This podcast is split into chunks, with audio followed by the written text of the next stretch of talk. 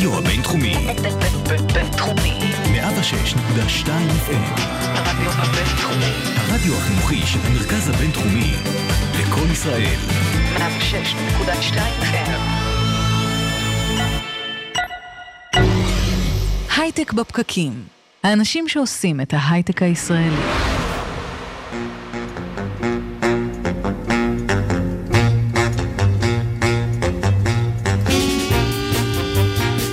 בוקר טוב, יום חמישי, ראשון בנובמבר 2018, הייטק בפקקים.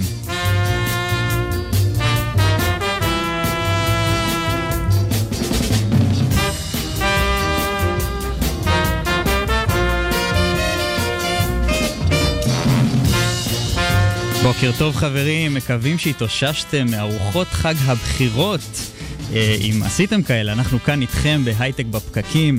אני אדר חי ואיתי באולפן מארחת את השידור אורטל הבר. בוקר טוב לך אורטל. בוקר מצוין, בוקר חדשני.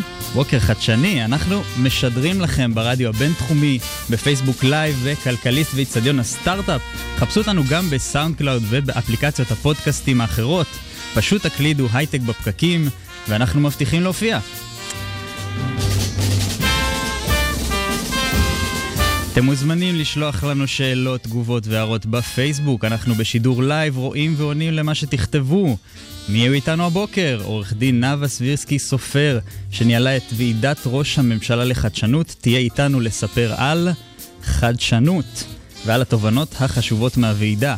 יעלמן שחר תהיה איתנו לשיחה על הפסיכולוגיה של הטכנולוגיה, איך לייצר networking אפקטיבי.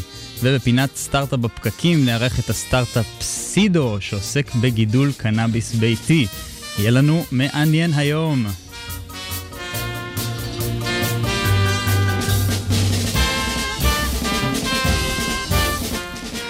בשבוע שעבר התקיימה ועידת ראש הממשלה לחדשנות. בוועידה בה נחנך מרכז פרס לחדשנות השתתפו גם מנהיגים ומנהיגות מרחבי העולם כמו סגן נשיא סין, אה, מייסד עליבאבא ג'ק מה, יו"ר גוגל לשעבר אריק שמידט ואחרים, ונמצאת איתנו כאן עורך דין נאוה סבירסקי סופר, שניהלה את התוכן בוועידה כדי לספר לנו על חדשנות ועל התובנות המרכזיות ממנה. בוקר טוב, נאוה. בוקר אור אדר. אז לפני שאנחנו מתחילים, בואו נשמע איזה קטע מתוך ההרצאה של ג'ק מה, מייסד עליבאבא. יש לנו את הקטע הזה? אז לא, אז אנחנו מתחילים ישר, הרצאות שעשו עלייך רושם מיוחד. מה נאמר שם? אז ראשית, אכן ההרצאה של ג'ק מה, שאולי נשמע בהמשך, הייתה יוצאת דופן בכמה מובנים. ראשית, ג'ק מקפיד לדבר על חדשנות בנפרד מטכנולוגיה. לא כל חדשנות היא חדשנות טכנולוגית. הוא בעצמו, כידוע, לא טכנולוג, הוא מורה לאנגלית במקצוע. ואף ו- פוחד ממנה, לדבריו. נכון, נכון. אמר שהטכנולוגיה מפחידה אותו, ולכן הוא מקפיד להעסיק אנשים שיטפלו בצד הטכנולוגי, ולהגיע למצב שהטכנולוגיה מובנת גם לו. זאת אומרת, חדשנות זה לאו דווקא לדעת אה, לבנות דברים בקוד, נכון? לגמרי, לגמרי. וזה נכון לא רק uh, לגבי עליבאבא, אלא בכלל בעולם הזה של החדשנות. Uh, אז הוא בהחלט היה מאוד מאוד מרשים, ובמיוחד אני מקווה שהקטע הזה יהיה בהמשך התוכנית, uh, באותו מקום שבו הוא דיבר על המעבר מאינטליגנציה שכלית, IQ, לאינטליגנציה רגשית, EQ, למה שהוא קרא LQ, האינטליגנציה של האהבה, של התחושה, של החיבור בין האנשים. מה הוא והנושא- מתכוון שהוא אומר LQ? מה זה בעצם אומר? הוא מדבר בעיקר על זה שכמו שהחדשנות היא לא עניין טכנולוגי, כך הקשר בין אנשים הוא מה שאנחנו שואפים ורוצים להגיע אליו, וזה למעשה המקום שאליו אנחנו מתקדמים. והנושא הזה עלה בצורות שונות במהלך כל היום. מהבוקר שבו דיבר ג'אק מה, בסוף היום סגרנו עם אה, מרק בניוף, המנכ"ל והמייסד של סיילספורס, שדיבר הרבה על אה, תרומה לקהילה, החזרה לקהילה, על זה שהאחריות שלו כמי שמוביל חברה של 100 מיליארד דולר ו-30 אלף איש, היא גם לאותו הומלס ברחובות סן פרנסיסקו. ואני חושבת שככל שהלכנו בכלל כעולם יותר לכיוון הטכנולוגי, כך אנחנו מחפשים יותר את המגע והקשר האנושי. את האחריות החברתית. אני חושב שלסיילספורס גם יש איזה אה, תרבות כזאת שמקדישים אחוז מסוים, אחוז אחד מה-revenue לדברים חברתיים, נכון? כן, הוא דיבר הרבה גם על זה, ולא רק הוא, גם uh, בפאנלים ובהרצאות השונות במהלך היום, שנגעו למעשה בשלושה תחומים. אנחנו, התמה הכוללת של הוועידה הייתה אחריות, uh, חדשנות אחראית, Responsible Innovation, uh, בשלושה תחומים עיקריים, סביב אדם, סביבה וחברה. ובתוך זה התמקדנו בבריאות, מזון ובטיחות בעולם המקוון, מקוף. ובתוך כל אחד מהנושאים הללו היה דיבור מאוד נרחב גם על הקשר הבין-אישי ולא רק על ההתפתחות הטכנולוגית. זה מאוד בולט כשמדברים למשל על נושא של בינה מלאכותית, אה, ששם אה, היום המכונות יודעות לעשות כל כך הרבה, אבל עדיין יש גם שאלות של התנהגות אנושית אה, וגם שאלות אנושיות הרבה יותר פשוטות, כמו ההכשרה של אותו כוח אדם. שיבנה לנו את הבינה המלאכותית, וגם על זה דובר לא מעט. מה עוד לדעתך זאת חדשנות אחראית? מה זה בעצם אומר? זה אומר שכשאנחנו מחדשים או מתקדמים, אנחנו צריכים לקחת בחשבון לא רק מה טוב ונעים לנו, אלא גם מה טוב ונעים לסביבה שלנו, לכדור הארץ שלנו. היה דיבור מאוד נרחב בנושא הזה, בייחוד אה, כששוחחנו על נושא המזון, אה, ובין השאר הצגנו שם אה, גם את אחת החברות המובילות בתחום של אה, בשר שמיוצר במעבדה, שזה למעשה, אומרים לי, אה, בשר אמיתי, אה, ש... אין לו בעצם שום, לא הורגים אף אחד בשביל לצרוך אותו. שזה, צריך לציין שזה גם לא רק, זה גם מועיל לסביבה, זה בוודאי. מגן ולכ... על בעלי חיים. בוודאי, בוודאי. והיה, שוב, עשה שיחה מאוד נרחבת עם מובילי. המחקר, הפיתוח והחדשנות בחברות גלובליות, גם על איך הם עושים מוצרים יותר חדשניים עם פגיעה סביבתית מועטה ועם ערך תזונתי יותר גבוה, אז גם זה סוג של חדשנות אחראית. יש לנו פה את הקטע מההרצאה של ג'ק מה שדיברנו עליו, על LQ, אז בואו נשמע אותו. I was sitting there listening and I forgot I'm going to speak. I'm getting so excited when we talk about innovation. It's something that um, in the past 20 years, people say, Jack, what are you doing? I call myself innovation. But most people say you're crazy. You're doing something never exists. And I, um, I'm very, very honored to be invited here today. Um, I think I want to say great congratulations for this great innovation center, the opening. I met Simon Paris, I think, 10 years ago in Davos. I listened to his speech. His determination for innovation, leadership, courage inspired me. I would say many of the things that Alibaba doing that needs courage, needs determination, needs leadership. ג'ק מה מדבר פה בעצם על זה שחדשנות מצריכה אומץ, מצריכה מנהיגות. זאת אומרת, זה לאו דווקא הטכנולוגיה, זה המנהיגות שהיא מצריכה. והנה בא לי לקחת את מה שאתה אומר עכשיו. את יש לך אה, עשייה רחבה בכל הנושא הזה של חדשנות ועידוד חדשנות.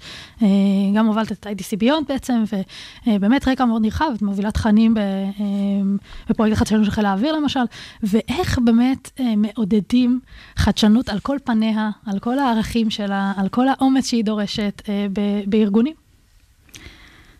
זו כמובן שאלת השאלות. ממש. ו... התשובה, אני חושבת, היא מורכבת ופשוטה, בו זמנית.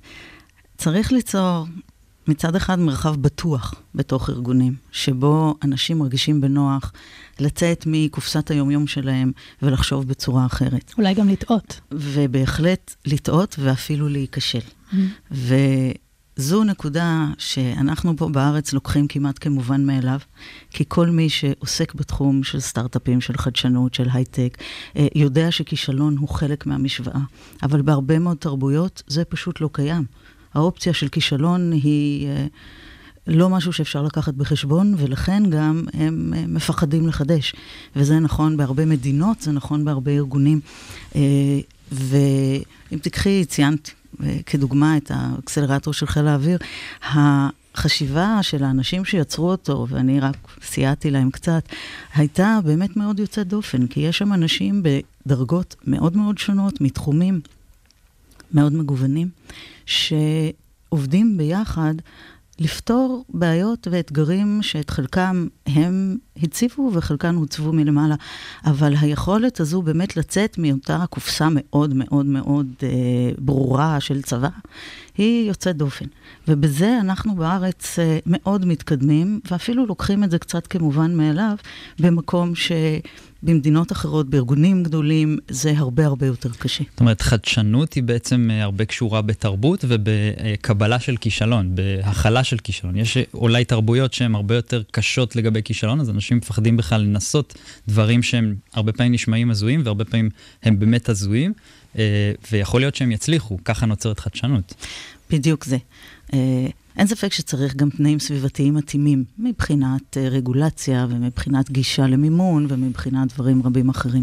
אבל הנושא האחד, הגדול והבולט מכולם, הוא באמת התרבות. ובתוך התרבות, הנושא האחד הזה הוא התיאבון לכישלון. לא מבחינת אה, זה, אף אחד לא רוצה להיכשל, אבל כולנו נכשלנו. וכל מי שאני מניחה מגיע לאולפן הזה ומדבר איתכם על הייטק ועל חדשנות ועל אה, סטארט-אפים, חווה כישלונות ואולי אפילו עוד יחווה עוד.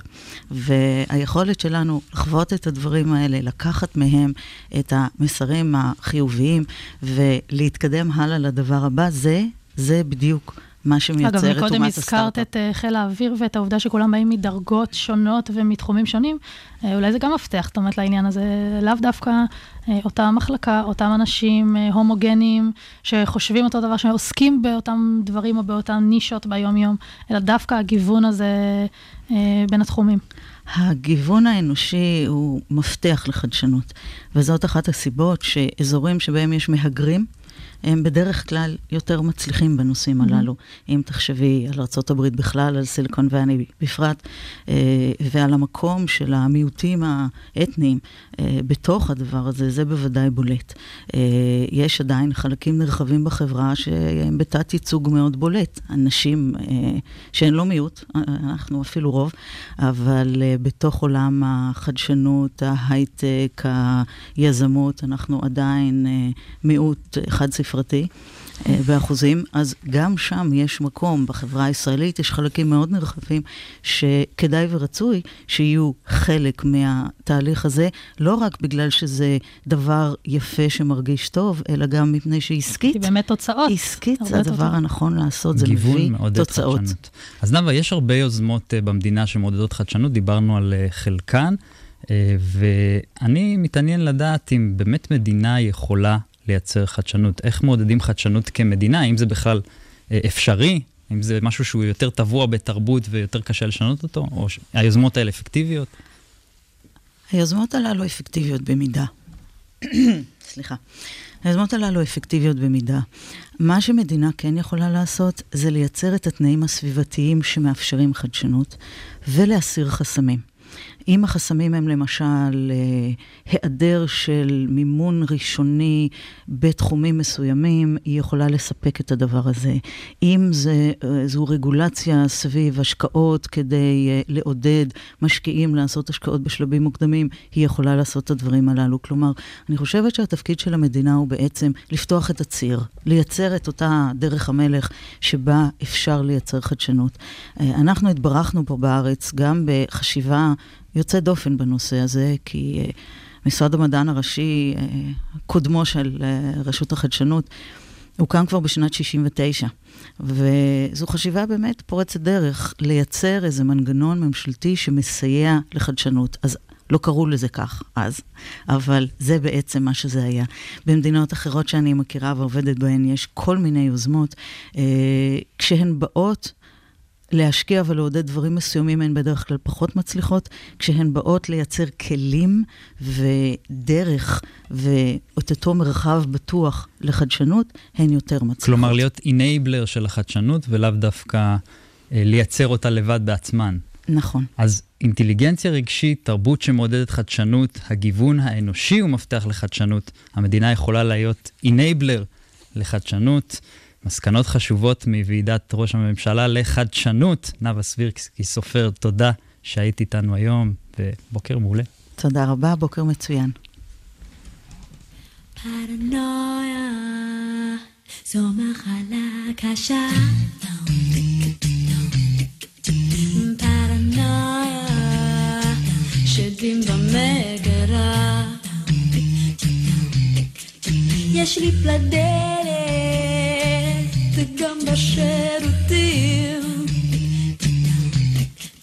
אני נועלת קופסה של גפרורים. שומעת שקט, וזה מפחיד נורא.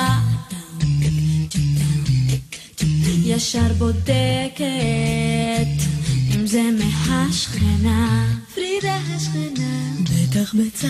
לא מהססת, קוראת למשטרה. שכפ"ץ לובשת, היום זה באופנה.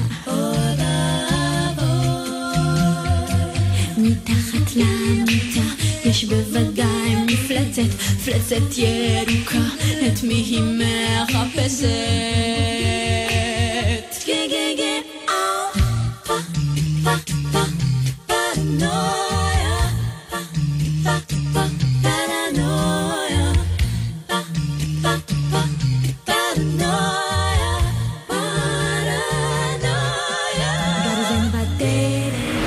חדשות השבוע. שקד דמבו נמצא איתנו בשביל חדשות השבוע, בוקר טוב. בוקר טוב, הדר חי. אז מה היה לנו? השבוע? אה, היה מעניין. בוקר טוב גם. אורטל, מה זה בוקר טוב? שלום? אורטל, שלום תודה אורטל. רבה. כן. לא שמתי לב, אורטל. גם פה. סתם, סתם. בכל מקרה, IBM רוכשת את Red Hat ב-34 מיליארד דולר. תשמעו, זו עסקת התוכנה הכי גדולה שהייתה בכל הזמנים, זה משהו מאוד מאוד מאוד משמעותי. IBM מנסה לחזור להיות על הגל. לגמרי, לגמרי. היא בזמן האחרון באמת משתרכת קצת מאחורי אה, גוגל ומייקרוסופט ואמזון, בעיקר מייקרוסופט ואמזון, ששם שועטות לעבר אה, כל ה industry של הענן. ו-IBM גם רוצה להיות ספקית שירותי ענן גדולה, אז היא רוכשת את Red Hat. זה דבר מאוד, קודם כל, מבחינת הרכישה, ככה נתונים יבשים, היא רוכשת אותה בפרמיה של 65%. זאת אומרת שהיא בעצם לוקחת אותה על... היום אנחנו כאילו מעריכים את רדהט במשהו באזור ה-20.5 מיליארד דולר, והיא באמת רוכשת אותה ב-34, שזה זה נתון מדהים. אה, IBM, כמו שאמרנו, היא רוצה להיות ספקית אה, שירותי ענן מאוד גדולה. רדט היא בעצם חברה של קוד פתוח, אה, אחת הגדולות בעולם, אם לא אולי הגדולה ביותר. אה, נכון. ומה היא מנסה להשיג ברכישה הזאת? למה למה. לה לעשות כזה דבר? אז מה היא מנסה באמת להשיג ברכישה הזאת? אה, הסיפור של שירותי הענן הוא קצת מורכב, אני לא רוצה להיכנס יותר מדי ל details, אבל יש פלטפורמות בעצם, תחשבו על זה שחברות היום, הם בעצם, מה זה ספקית שירותי הענן? זה כמו אמזון, זה בן אדם שהוא סוג של renting hardware כזה, אבל זה על פלטפורמה מסוימת, אז גם, יש גם software בסיפור הזה. אתה בעצם שוכר שירותים כדי שאתה, שהמפתחים שלך יוכלו לפתח את האפליקציות שלך, אפליקציות web כמו Gmail, כמו Drive. אה, על חומרה חיצונית. על, על חומרה חיצונית ועל על פלטפורמה חיצונית. זה לא רק חומרה, זה כמו מערכות הפעלה, אפשר אהם. לחשוב על זה ככה.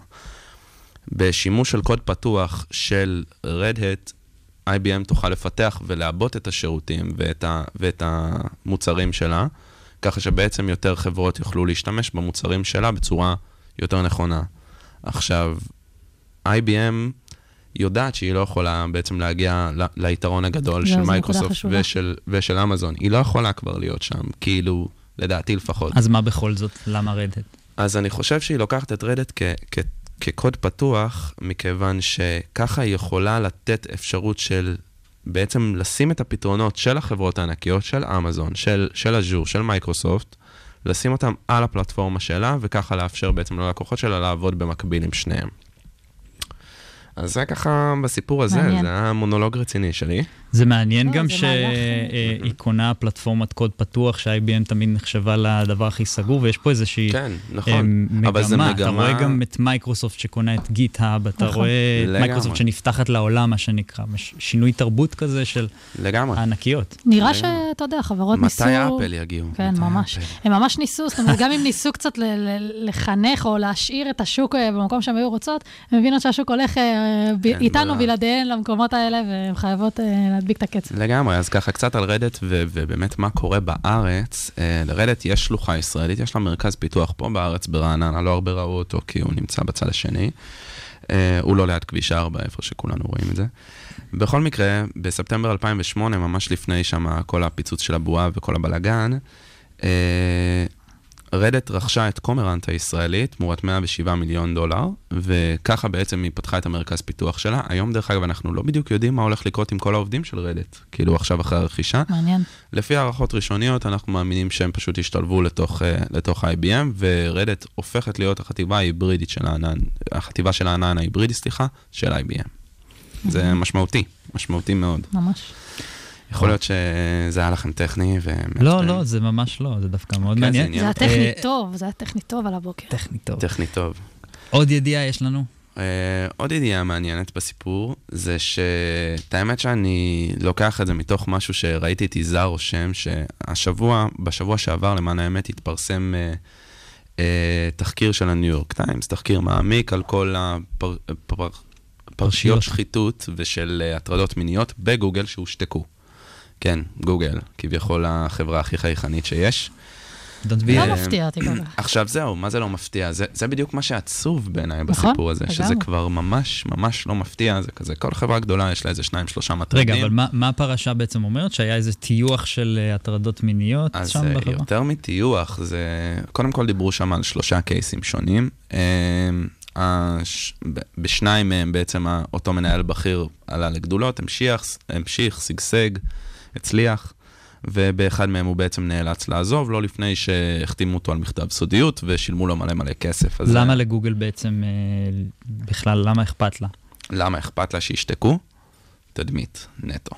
זה, אין ספק שזה תדמית, תראה מה קרה לאובר, זה תלוי עמוק בתוך המניה שלך, זה, זה משהו שהם לא רוצים ש, שיצא החוצה, גם אם, זה, גם אם זה לא באמת כאילו יותר מדי רק התחקיר, הם לא רוצים ששום דבר יצא החוצה. תשמעו, זה מדהים איך השיח הפך להיות כזה שלא לגיטימי בפרהסיה להודות, ש... זאת אומרת, לתת מקום למקומות האלה, ועדיין נכנסים לחדרי חדרים, וזה קורה, וזה קורה יותר מדי פעמים. ומה וזה- שעצוב זה שגם החבר'ה האלה משגשגים, כאילו רבאק, הם מגיעים להם למשרות מטורפות, הם עושים מאות מיליוני דולרים בש. בשנה. זה, זה מזעזע. עכשיו, למה פה זה ממש מזעזע? אני רוצה להתמקד באחד הקייסים החמור ביותר מן הסתם, של אנדי רובין, שאם זה מצלצל לכם מוכר, כן.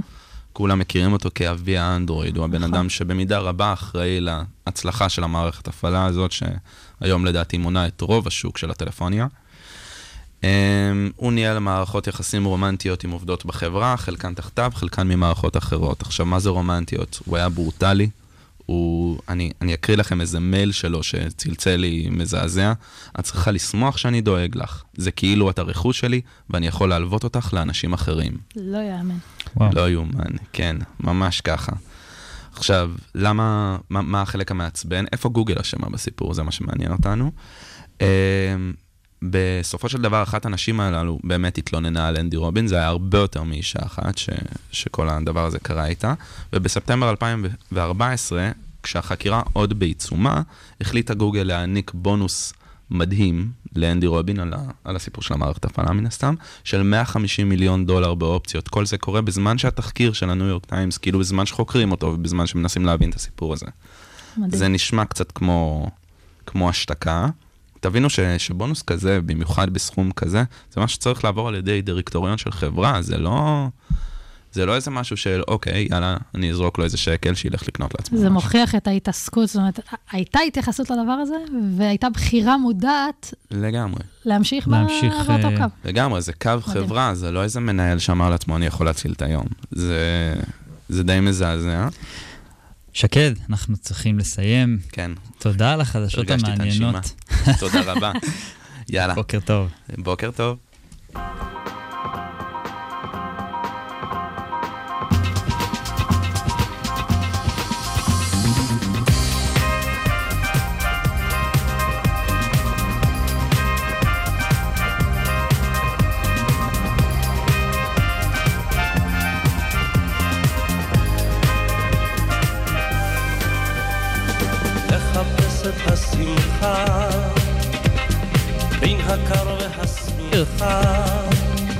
בוקר טוב לדורון מלך, לגיא גרימלנד, למלי ניב, לאהובה אורן, לארי מנור, לשחר מטורין, לאורן פרשר, ליגאל אלהרר, לנועם אילוביץ', מיוקנעם, לעדי עופרת, לנועה להב, מהיחידה לחדשנות חינוכית במשרד החינוך. בוקר טוב לכם חברים.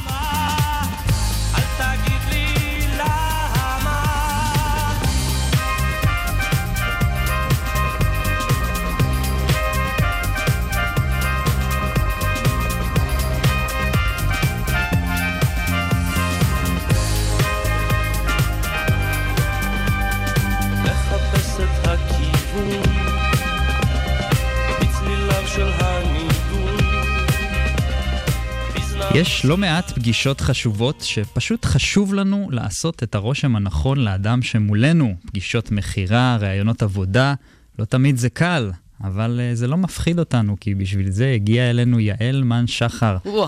והתגעגענו. פינת הפסיכולוגיה Yes. של הטכנולוגיה, יעל, מה את. מספרת לנו? בסדר, מה העניינים? מה ככה וזה? מה ככה וזה? את בפגישת uh, עבודה איתי, אוקיי? כן. את מתראיינת. יאללה, כן. שוט. תראה, דיברתי... עוד הוא, סליחה מה, רגע, מה? הוא מראיין אותך. נכון. תביני פעם. מצוין, את אז זה טוב לי. הוא היא, מראיין. היא נבחנת, אתה לא, יודע. אני... אני יכולה להדגים יותר שהוא יראיין אותי, בואו ניתן לו פעם אחת את הזכות לעשות את זה. טוב, אז uh, אני דיברתי פה לא מעט על כמה חשוב uh, להיות יותר מעניינים היום בעידן של המסכים. אין מה לעשות, אנשים נהיו קצרים, קוצים בישבן, גם בפגישות, גם ברעיונות עבודה. אז אה, הפתרון הבסיסי לפתור את הבעיה הזאת זה סוג של אה, מה שאומרים storytelling. עכשיו אני עוצרת. כל זה היה הקדמה, ומי ששמע את הפרק הקודם שלי, אמרתי, אפשר לוותר על הקדמות. אז אם תקשיבו להקלטה הזאת עוד פעם, על כל מה שאמרתי עכשיו, אפשר לוותר. תחתכו הקדמות, תנסו להיות יותר ענייניים כשאתם נכנסים לרעיון או פגישה. אה, ראית את ההלכה למעשה שהיה פה? בום. כן, אבל את אה, עשית הקדמה, בכל זאת, לא... אין מה לעשות. טוב, אז uh, אני מתחילה. בגדול, מה שאני רוצה, איך, אז איך אפשר להיות יותר סיפורי? קודם כל, יש המון טכניקות, תפנו לטד, אתם תמצאו שם מלא רעיונות. Uh, אבל אני אדבר היום על טונציה והגשה. Uh, דבר ראשון, uh, הרבה מהטיפים שאני אתן עכשיו, אנשים מכירים, אבל לי חשוב להעלות את זה למודע, שתזכרו לעשות את זה בפגישה מחר. הנושא של עליות וירידות, אתה יודע. מאוד חשוב שאנחנו מדברים, זה קצת, אני לוקחת את זה מעולם המשחק, לעשות uh, תנועות של uh, תראה. זה לא שאני עכשיו באה איזה, להגיד לך איזה... Uh, לשחק עם ה-voice. הרבה פעמים, גם לי יש uh, תוכנית רדיו, לא חשוב שמות, וכשאני מראיינת אנשים, הם מדהימים, הם חכמים, אני מחכה להם שהם יבואו להתראיין, ואז הם מאוד מונוטונים שהם מדברים. Uh, תראו, למעשה התוכנית הזאת עובדת בצורה מאוד מעניינת. יש לנו uh, גם כמה פרקים על הנושא הזה. Uh, אנחנו גם מראיינים... והטונציה שלך באמת גורמת לנו לחשוב שהתוכנית מעניינת. עכשיו, חברים, אני... בדיוק, יש. הרצאת TED שלמה על זה, איך אתה יכול להישמע מעניין בלי להגיד כלום. זה בדיוק זה. הנושא של עליות וירידות הוא קריטי, כי אף אחד היום לא יכול לצרוך מו, אה, משהו מונוטוני. הדבר השני זה פאוזות. קצת כמו שעשיתי עכשיו. אוקיי. אנחנו מפחדים מזה. אתם יודעים למה אנשים מפחדים מזה? תשאלו אותי למה. שתיקה מביכה. גם. אנשים, א', מפחדים היום לשעמם, מרוב שהם יודעים שאתם קצרים בסבלנות, אז הם מדברים, מדברים, מדברים, מפחדים אה, לשעמם, אז זה זה. פרנויה קשבית, תזכרו? פרנויה? פרנויה קשבית. קשבית. את בלחץ שאנשים לא מקשיבים לך, אז את יורה כמו קיטור, ואת לא עושה פאוזות. אה, ואנשים מפחדים לאבד את המיקרופון. זה קורה המון אה, בפגישות עסקיות, וגם ברעיונות עבודה. שאם עכשיו אני אעצור, אז הוא ייכנס לי בין הדברים, ודווקא דווקא ייכנס לי אמרת- בין הדברים. דווקא העצירה הזאת גורמת. לי... רגע, מה היא רוצה להגיד עכשיו? וואו, זה מעניין. יפה. אז בדיוק, זה משחק הפוך על הפוך. אל תפחדו לאבד את המיקרופון. תעצרו רגע. כאילו תחשבו על מה שאתם רוצים להגיד, תזייפו פאוזות. אני אתן לכם, אגב, רעיון לאיך אתם יכולים לעשות, לזייף פאוזה. אתם יכולים לשאול שאלות בנאליות, כמו, אה, אתה מכיר על מה אני מדברת? שאני אומרת לזייף פאוזה? כן. אוקיי, הנה, זו הייתה פאוזה, אני נשמתי, הוא נשם, זה יצר עלייה וירידה. אני חותכת כדי להסביר משהו על קשב. יש עניין שקשב נע בגלים. אנחנו מקשיבים כזה, מאוד מאוד מקשיבים, ולרגע אחד פחות מקשיבים, ומאוד מקשיבים ופחות מקשיבים. אם אתם תעשו פאוזות ותשחקו עם הטונציה, אתם תרכבו על גלי הקשב של אנשים אחרים, וואו. אתם תהיו כבר יותר מעניינים וסיפוריים. תראו כמה זה פשוט. אגב, אפרופו פאוזה, והפחד הזה של אנשים מעובדה שהצד השני ייקח את הבמה, את דווקא אומרת שזה דבר חשוב. תנו נכון. להם את הבמה. נכון. תראה, מישהי. עשתה פה שיעורי בית. תקשיבו. תקשיבו, אני חושב שגם חלק מהדברים, נגיד, אני מדבר בצד שאני הולך להרבה פגישות מכירה, ואחד הדברים הכי חשובים זה בכלל להקשיב לצד השני. ברור. ברגע שהוא מספר לך, אז הוא מרגיש שהוא קולו נשמע, ואז אתה גם יכול לדעת מה להגיד לו. לגמרי. הרבה פעמים, גם ברעיון עבודה, ככל שתקשיב יותר, אתה תרוויח גם ש- יותר. נכון. פתאום, אה, אתם עובדים גם בחו"ל? אה, יש מלא. טיסות בעבודה הזאת. או, אולי זה לא מתאים לי. אבל תשמעו, על זה דיברתי כבר מלא פעמים שהתארחתי פה. ההקשבה היא הרבה יותר חשובה מאשר uh, הדיבור. אתם תהיו מופתעים כמה הטריק הזה של להקשיב יותר 80 אחוז ולדבר רק 20 אחוז, הוא היום ברזל בהצלחה. אה, צריך לדעת גם איך ליישם את זה, אז לא לנסות את זה לבד בבית, להסתכל בקלטות. אה, אני רוצה לתת להם עוד טיפ אחד קטן להצלחה. יאללה. אוקיי. זה טיפ ישן, משנות ה-80. אה, להחמיא על שאלה. כשאתם מדברים ויוצרים את המונוטוניות הזאת ורוצים לשבור אותה, לפעמים בן אדם יגיד לך, כן, נו, אה, אתה בעצם אה, עשית את זה כבר בעבר, לא? הוא שאל אותך שאלה, אתה לא אומר, אה, כן, עשיתי את זה בעבר, שאלה טובה. האמת, שאלה טובה, לא, זה מוגזם. מוגזם. מרגישים גם את הלקקנות, זה כזה, איכס, לא. תעשו את זה קטן, תגידו, אה, מעניין, כן, עשיתי את זה בעבר, הנה, ראית? עשיתי מעניין קטן, זה החמיא לבן אדם שמולי. הקטע הזה של להחמיא בקטנות לבן אדם שמולך, מייצר קשב. אם אתה, אדר, אני ואתה מדברים, ואתה מדי פעם זורק לי ככה שתיים, שלוש מחמאות על השאלות שלי, את engaged. אני engaged להקשיב לך יותר. כולם שמקשיבים לנו את זה עכשיו, יודעים את זה. אני תמיד אומרת בפינות שלי, אני עובדת על התת-מודע שלכם. אתם יודעים את כל מה שאני אומרת, ואני רק מחזקת את זה ומעלה את זה למודע. אה, ואם יש לי זמן לטיפ אחרון, ויש לי, אז אה, אני רק רוצה להגיד לכם, תנועת גוף. יש המון תנועות גוף שאתם יכולים לעשות כדי להיראות יותר אה, קשובים. אחד מהם זה לא להנהן עם הראש. וזה משהו וואו, ש... עשיתי את זה המון אוקיי. במהלך השיחה הזאת. תשמעי, זה קשה שלא, וחוץ מזה, את לא מנסה גם להרשים אותי, נראה לי, אז, אה, אז זה בסדר. אבל אם אתם בהיריון עבודה, או יש לכם מחר פגישה עסקית עם לקוח ומאוד חשוב לכם למנף אותה, קחו את כל הטיפים שאמרתי מקודם, בנוגע לפאוזות, לדבר אה, פתאום חלש, פתאום חזק. תעשו את זה, אגב, עם common sense. אה, קחו את כל זה ואל תהנהנו. כשהוא מדבר ואתם מקשיבים, עכשיו עד סוף האייטם אתם לא מהנהנים. אוקיי, זה קשה. אני מחזיקה את הראש שלי כל כך חזק. ת- תנסו, זה אימון, וזה כמה פעמים זה יצליח לכם. די, די, אמרתי לא להנהן. אני לא הנהנתי עכשיו, את סתם אמרת, כי אנשים בדרך כלל מקשיבים לנו. לא, לא, לא, אתה מהנהן. יש גם מצלמות, אוקיי. אנשים יכולים לראות. אה, לא להנהן, כי זה גורם לבן אדם בצד השני, סליחה, לתת-מודע שלו להבין שאתם ממוסמרים מהשיחה. המודע לא יתרגש מזה שאתם לא מהנהנים. אז זה חשוב אה, ככה. מה עם הרצאות? מה עם הרצאות? אה, להחמיא בקטנות לבן אדם שמולך, ליצור אה. עליות וירידות, ובעיקר להקשיב רצוי בגלים. נכון, נכון. תודה אה, לך, יעל. זהו, אם אתם רוצים עוד מידע, אני בכל הארץ, בכל הארץ, מסתובבת עם ההרצאה הזאת של איך להקשיב יותר, אומנות מתי הקשב. הקרובה? וואו. הקרובה ביום, אה, ביום ראשון פה בהרצליה. קדימה, ראשון בהרצליה, בואו. בפייסבוק של יעלמן שחר אתם יכולים לראות איפה. תיכנסו ומתי. ותראו. תודה, יעל, על טיפים מעולים.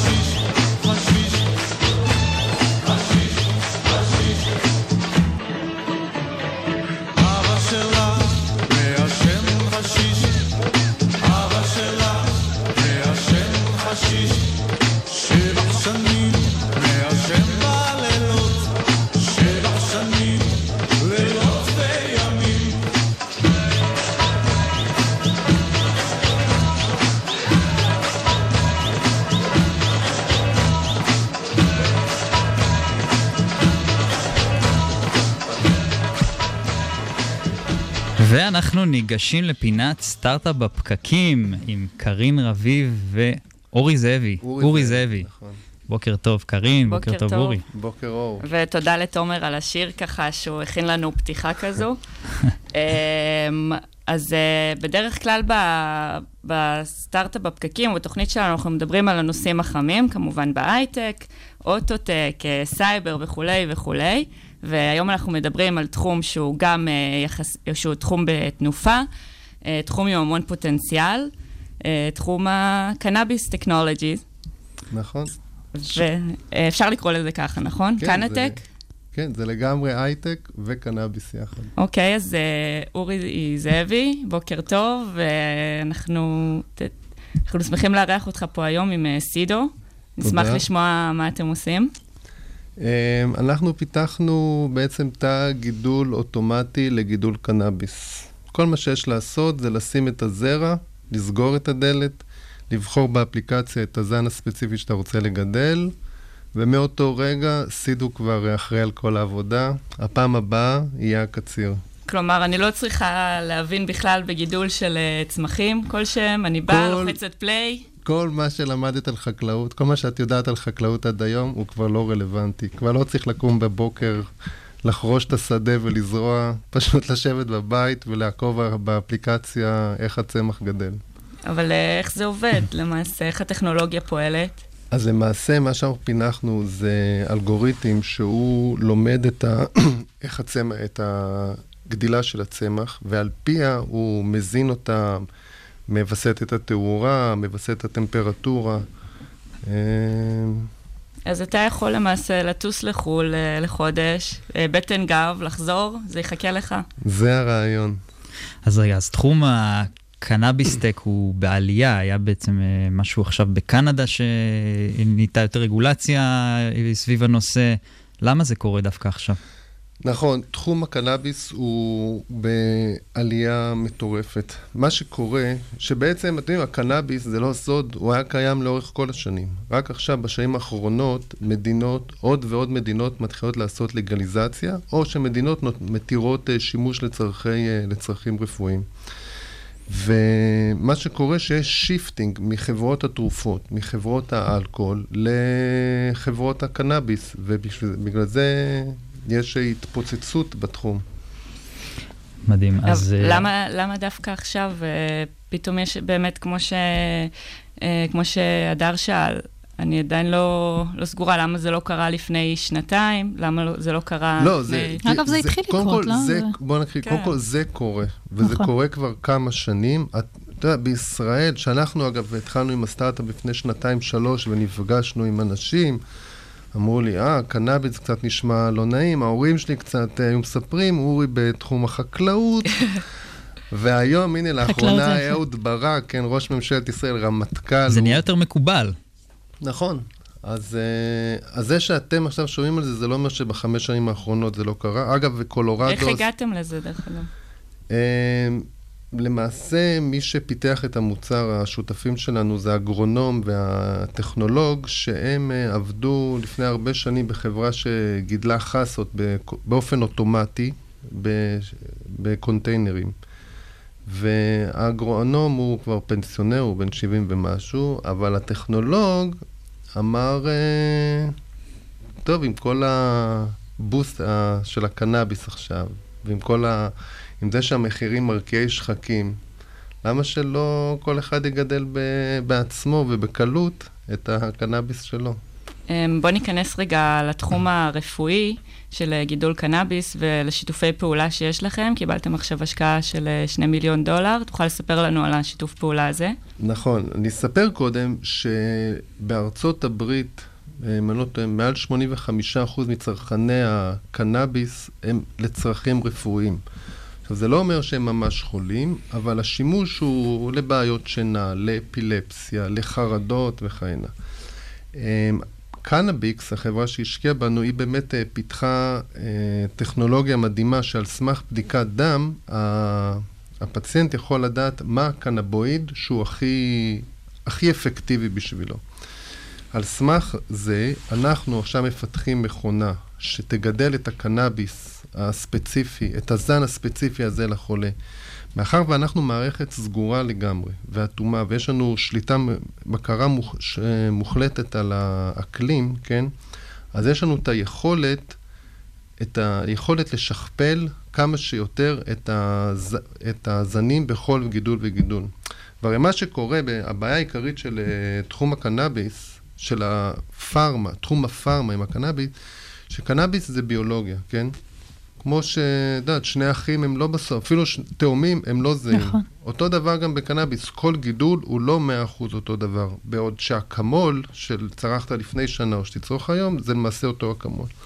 אז אם זה למעשה מתאים לתחום הרפואי, ובסופו של דבר אולי הממשלה, ממשלות יכולות uh, לממן את, ה, את הטכנולוגיה הזאת, את ממשלות הפרויקט פחות הזה. רוצות לממן, אבל ממשלות נהנות מהמיסוי על אה, קנאביס, ולכאורה, את יודעת, בקולורדו, שהם אה, קיבלו השנה איזה כמעט מיליארד דולר רק ממיסים על קנאביס. מטורף. כן, שמעתי שבקנדה הם הולכים אה, להרוויח מדי שנה כחמישה מיליארד דולר מיסוי, עכשיו עקב הלגליזציה של התחום. תראו, אז כפי שאמרתי, הצריכת קנאביס, למשל בואו ניקח את ישראל כדוגמה, היא לא השתנתה, כן? כן. אנשים צורכים פה המון, אבל הכסף לא מגיע למדינה, הוא בעצם מגיע ל- לשוק ה... לאט לאט. אה, אורי, תוכל לספר לנו אה, בקצרה מה הצעד הבא שלכם, לאן אתם הולכים?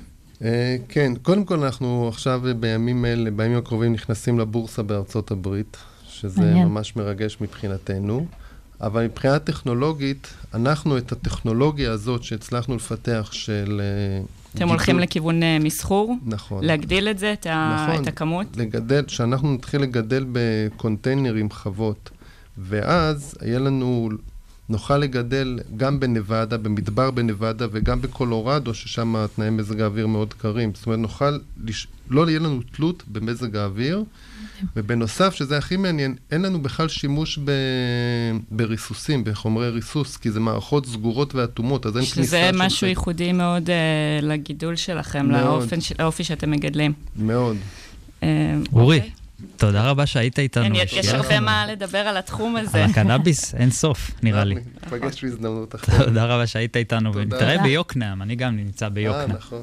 להתראות. לא מפסיק לרקוד זה לא משאיר לי אף ברירה אני שומע מה שהוא רוצה לרקוד הלילה לא לחפש יותר מדי לא מצדדיי מאחוריי תתנו לי משהו להרגיש שיהיה פה חם לאללה תדליק לי משהו תמזוג תשפריץ תקפיץ אני רוצה שכל מי שנכנס יוציא את המיץ זה לא מספיק שיש לך את החשק לכופף את הברכיים להוציא את הידיים מהכיסים אל השמיים נראה שזה הולך להיות עניין של דרך קבע וכל הגוונים רוקדים באושר על אותו הצבע. כנראה בטבע וכנראה בתדרים. משהו פה מוציא מאיתנו רק דברים טובים. שמח, קולח, רותח, צומח, שולח, פותח את הראש. מה עוד אפשר? אני רוצה לזוז רוצה לרקוד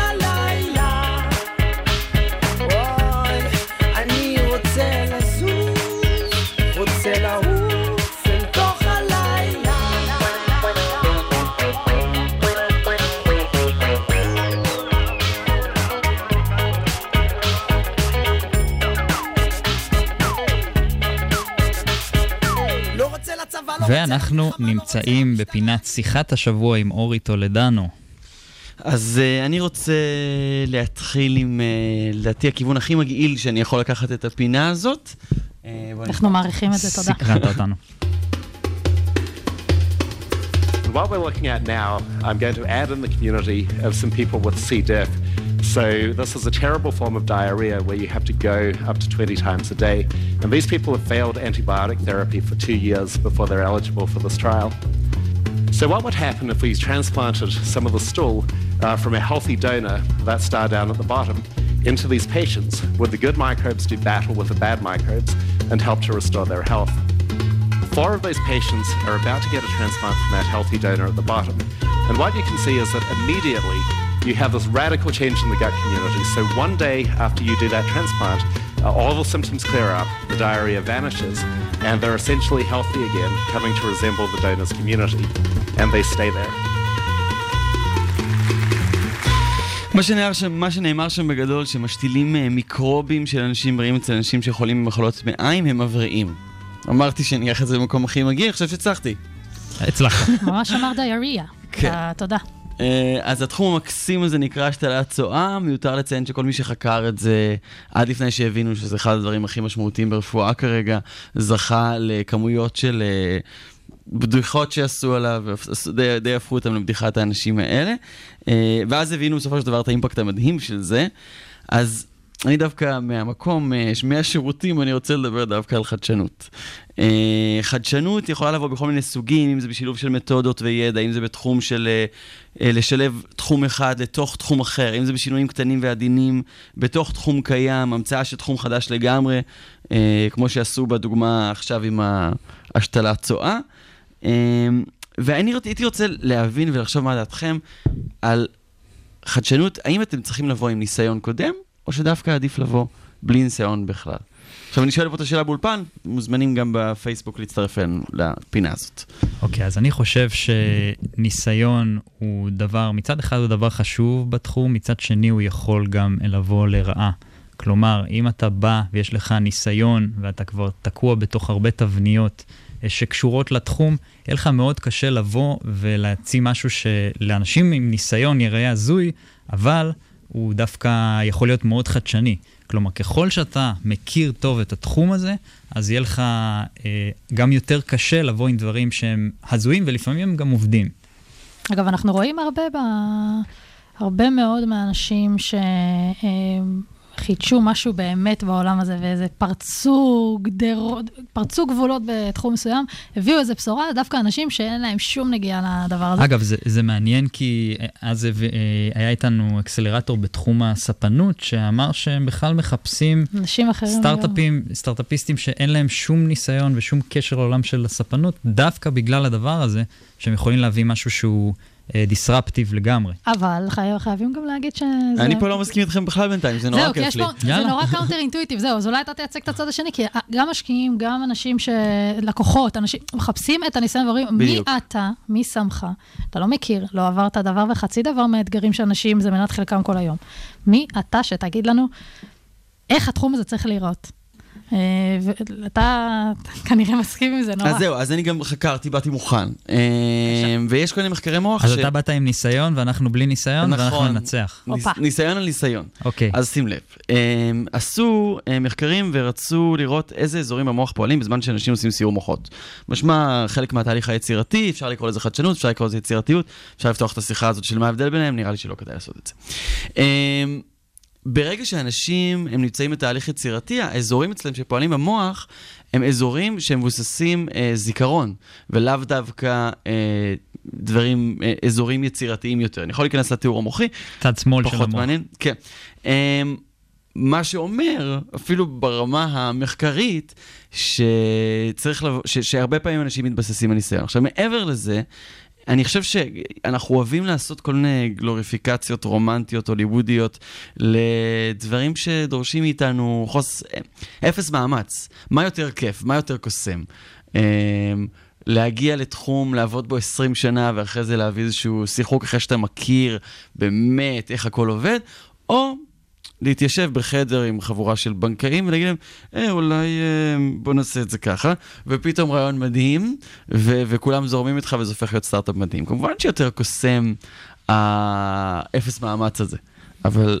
אני חושב שזה יותר עניין של ביטחון. לא הניסיון זהו. מביא לך ביטחון, גם. ל- כי שאם יש לך איזשהו רעיון שהוא הזוי, אז אתה, או, או חדשני מאוד, אז אתה מרגיש מספיק בטוח בעצמך לבצע אותו. אבל לדעתי, פה זה כמעט נגמר, זאת אומרת, אתה כן יכול להגיע לתחומים חדשים ולעשות להם disruption, ואתה רואה את זה המון, וגם, דרך אגב, גם אני, בתחום שלי, מאוד קשה לי שבן אדם בן אדם בא אליי והיה לו איזה סטארט-אפ שקשור לשיווק אה, דיגיטלי, ואני אמרתי לעצמי, זה כנראה לא יעבוד בגלל כל מיני דברים שאני מכיר, אבל יכול מאוד להיות שזה דווקא כן יעבוד, בגלל שהוא לא בא מהתחום הזה, הוא בא ובא לשנות לגמרי. בונה את זה ו- ממש מאפס, זאת אומרת, הוא מתחיל, הוא מבחינתו, בונה בונה את בניין. העולם כמו שהוא חושב שהוא היה צריך כן, להיות, תחשוב- יכול להיות שהוא צודק. תחשוב שהאדריכל יודע לבנות בניין בצורה מאוד מסוימת, ואז בא מישהו, ואתה יודע, כנראה שזו דוגמה טובה, כי אף אחד לא רוצה להיות בבניין כזה, אבל בא מישהו ומחליט פתאום לבנות את הבניין לגמרי אחרת, ואדריכל כנראה לא יעשה את זה כי הוא כבר יודע את כל המתודולוגיה. הדר, אני חייבת לחזק אותנו, כדי שננצח את אורי ממש בנוקאוט. אה, אני- יוסי רבינוביץ' אה, אומר, כן. טעות לחשוב שניסיון קובע, ניסיון הוא אכן כלי בידי אנשים מקובעים עם ניסיון בכדי להרוג חדשנות, אבל אנשים יצירתיים יהיו יותר פוריים עם ניסיון. זה... ג'ק מה. היה מורה לאנגלית. נכון. היה לו ניסיון באנגלית בלבד. אני חושב שיש לך בגדול כמה סוגים של אה, חדשנות ויצירתיות. האחד, לקחת מתודולוגיה של תחום אחד ולהביא אותה למתודולוגיה, לתחום אחר. זה אנחנו רואים המון, ומהבחינה הזאת, טוב להגיע עם ניסיון בתחום אחר. אה, יצירות, יצירתיות אחרת, זה נגיד, אני אקח את זה למוזיקה, אה, בלוז, לוקחים את הסולם המוכר והידוע, אז אתה משנה אותו קצת. שינית אותו קצת, שינית את הקצב קצת, בום, בום, פתחת משהו חדש לגמרי. לגמרי. שזה אתה צריך חייב ניסיון בתחום. חדשנות מהסוג השלישי זה אה, להמציא משהו חדש לגמרי, שזה נדיר נורא, זה נוגד את כן, פוסט-מודרניזם, זה לא קורה, אנחנו תמיד מבוססים על ידע קודם. הנה הציניות שלנו, כן. כל כן. הציני. ואני רוצה להגיד שאני חושב שהאמת היא באופן אה, איפשהו באמצע. איפשהו חושב- באמצע, אז- הכל אז אולי. באמת, אז אולי באמת אה, אה, הפתרון הוא, תנו, באמת השילוב בין השניים. יכול להיות שדווקא אנשים שמגיעים מבחוץ, בגדול ללכת המחשב. ולהוביל את הדבר הזה. אבל לקחת אנשים, גם כמו שאמרת, ג'ק מה לקח אנשים שמבינים בתחום.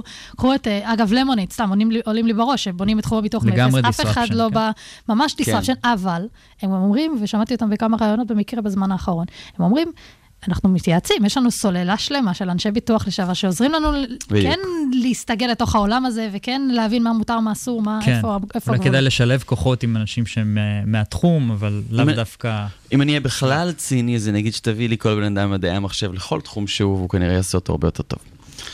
וואו, אז זה כבר פתחת דיון חדש, אנחנו נדבר עליו בשבועות הבאים. איזה שיחה כיפית.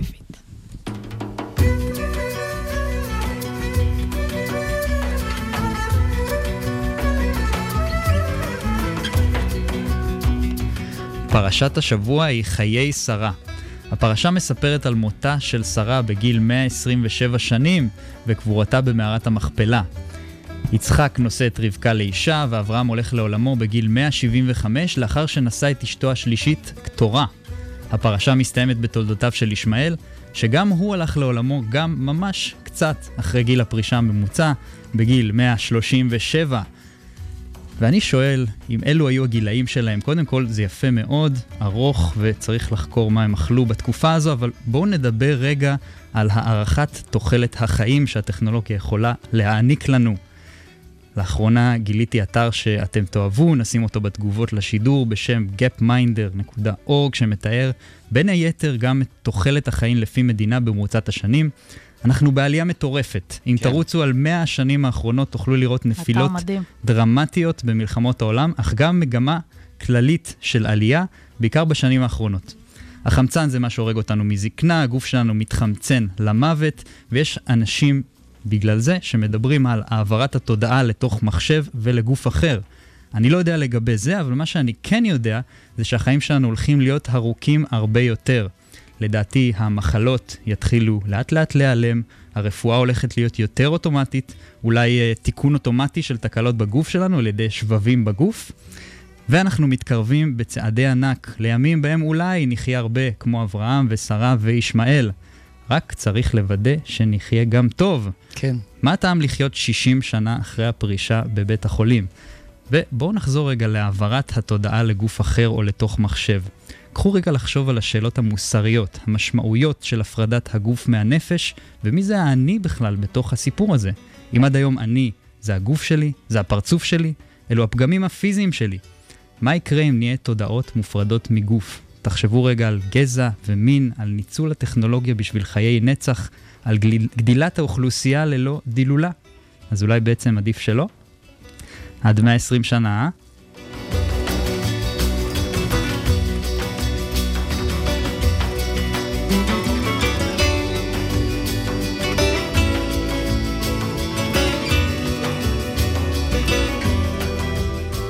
מה דעתכם על הסיפור הזה? וואו. האמת שזה מתחבר נורא לספר השני של יובל נוח הררי. הוא מדבר שם בדיוק על זה, על uh, זה שאף אחד לא אומר, אני עכשיו עובד על uh, חיי נצח, אבל הרופא הזה עובד על לפתור איזושהי בעיית ריאה, והרופא הזה עובד על לפתור איזושהי בעיית לב. וביחד, בלי לשים לב. כולם בעצם עובדים על חיי נצח. כי ברגע שהגוף הוא תפתור את כל הבעיות המכניות שלו, וזה בסופו של דבר בעיות מכניות, אז אין לנו סיבה למות. אני חושבת ואז שגם... מה יקרה? זה מטורף, זה משנה את כל התפיסה שלנו ואת כל הדבר הזה שנקרא חיים. אני חושבת שאנחנו מנסים, בסוף, אתה יודע, דיברנו פה המון על חדשנות ועל פתרונות של בעיות ושיבוש, ובסוף אנחנו מנסים להתמודד עם הפחד הכי גדול שלנו. יש איזה משהו אחד שאין לנו עליו שליטה, לא משנה מה נעשה. בריאות, יופי, אז יש 50% ממנה אנחנו שולטים, ו-50% אין לנו שמץ של מושג מה יקרה מחר, ומוות, שזה דבר שהוא בלתי נמנע, ואף אחד עוד לא הצליח אה, לחיות לנצח. ואנחנו מנסים בכל כוחנו לשנות את המציאות הזאת. ומרוב שזה כל כך מפחיד אותנו, מרוב שאין לנו שליטה, אנחנו לא חושבים על, ה- על המשמעויות האולי מאוד לא טובות, אולי אפילו הרסניות לנו כאנושות על הכדור הזה, של, של חוסר התחלופה הזאת. אה, זה מטורף, ואגב, הייתה פה נאוה, אז בדיוק אה, ש- אה, שמיד שהיה בוועידה אמר, ישראל צריכה להיות מעצמה, ואנחנו צריכים להשתמש בחדשנות כדי שנוכל לחיות לפחות עוד, עד, מת- עד גיל 200. וואי וואי, זה הולך ליצור הרבה מדי בני אדם. כן, לא מתחשב. גם ככה הורסים את הכדור, גם ככה. חברים, יש לכם דברי סיום, ככה לקראת סוף התוכנית, אולי בנימה אופטימית של נחי חיי נצח? של חיי נצח. הלוואי שנחיה חיים. הלוואי, עד- עד 120 יהיה עלבון כבר לאנשים. חד משמעית. מת צעיר. איזו תוכנית כיפית הייתה. אני ממש. נהניתי. חברים, תודה לכם, תודה לאורטל הבר שהיית איתי באולפן, תודה לשקד דמבו על חדשות השבוע. מפיקים את השידור אורטל הבר, ניצן גל וקרין רביב, מפיק הדיגיטל שקד דמבו, מפיק מוזיקלי אורי טולדנו. בסוף. תודה לכלכליסט ולרדיו הבינתחומי על שיתוף הפעולה. תודה לכם שהאזנתם לנו בפקקים, במשרד או בבית. צאו בזהירות אם עוד לא הגעתם למשרד. אנחנו הייטק בפקקים. להתראות בשידור הבא.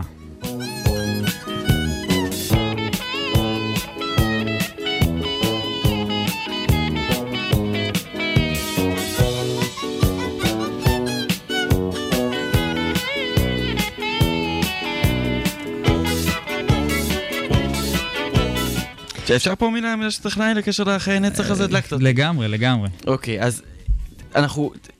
אנחנו גם הורסים את כדור הארץ לבנים ובנות שלנו. וגם לכל שאר בעלי החיים יש עוד הרבה מאוד כן, בעלי שזה חיים בעולם. כמובן. שזה- אתה יודע, יש...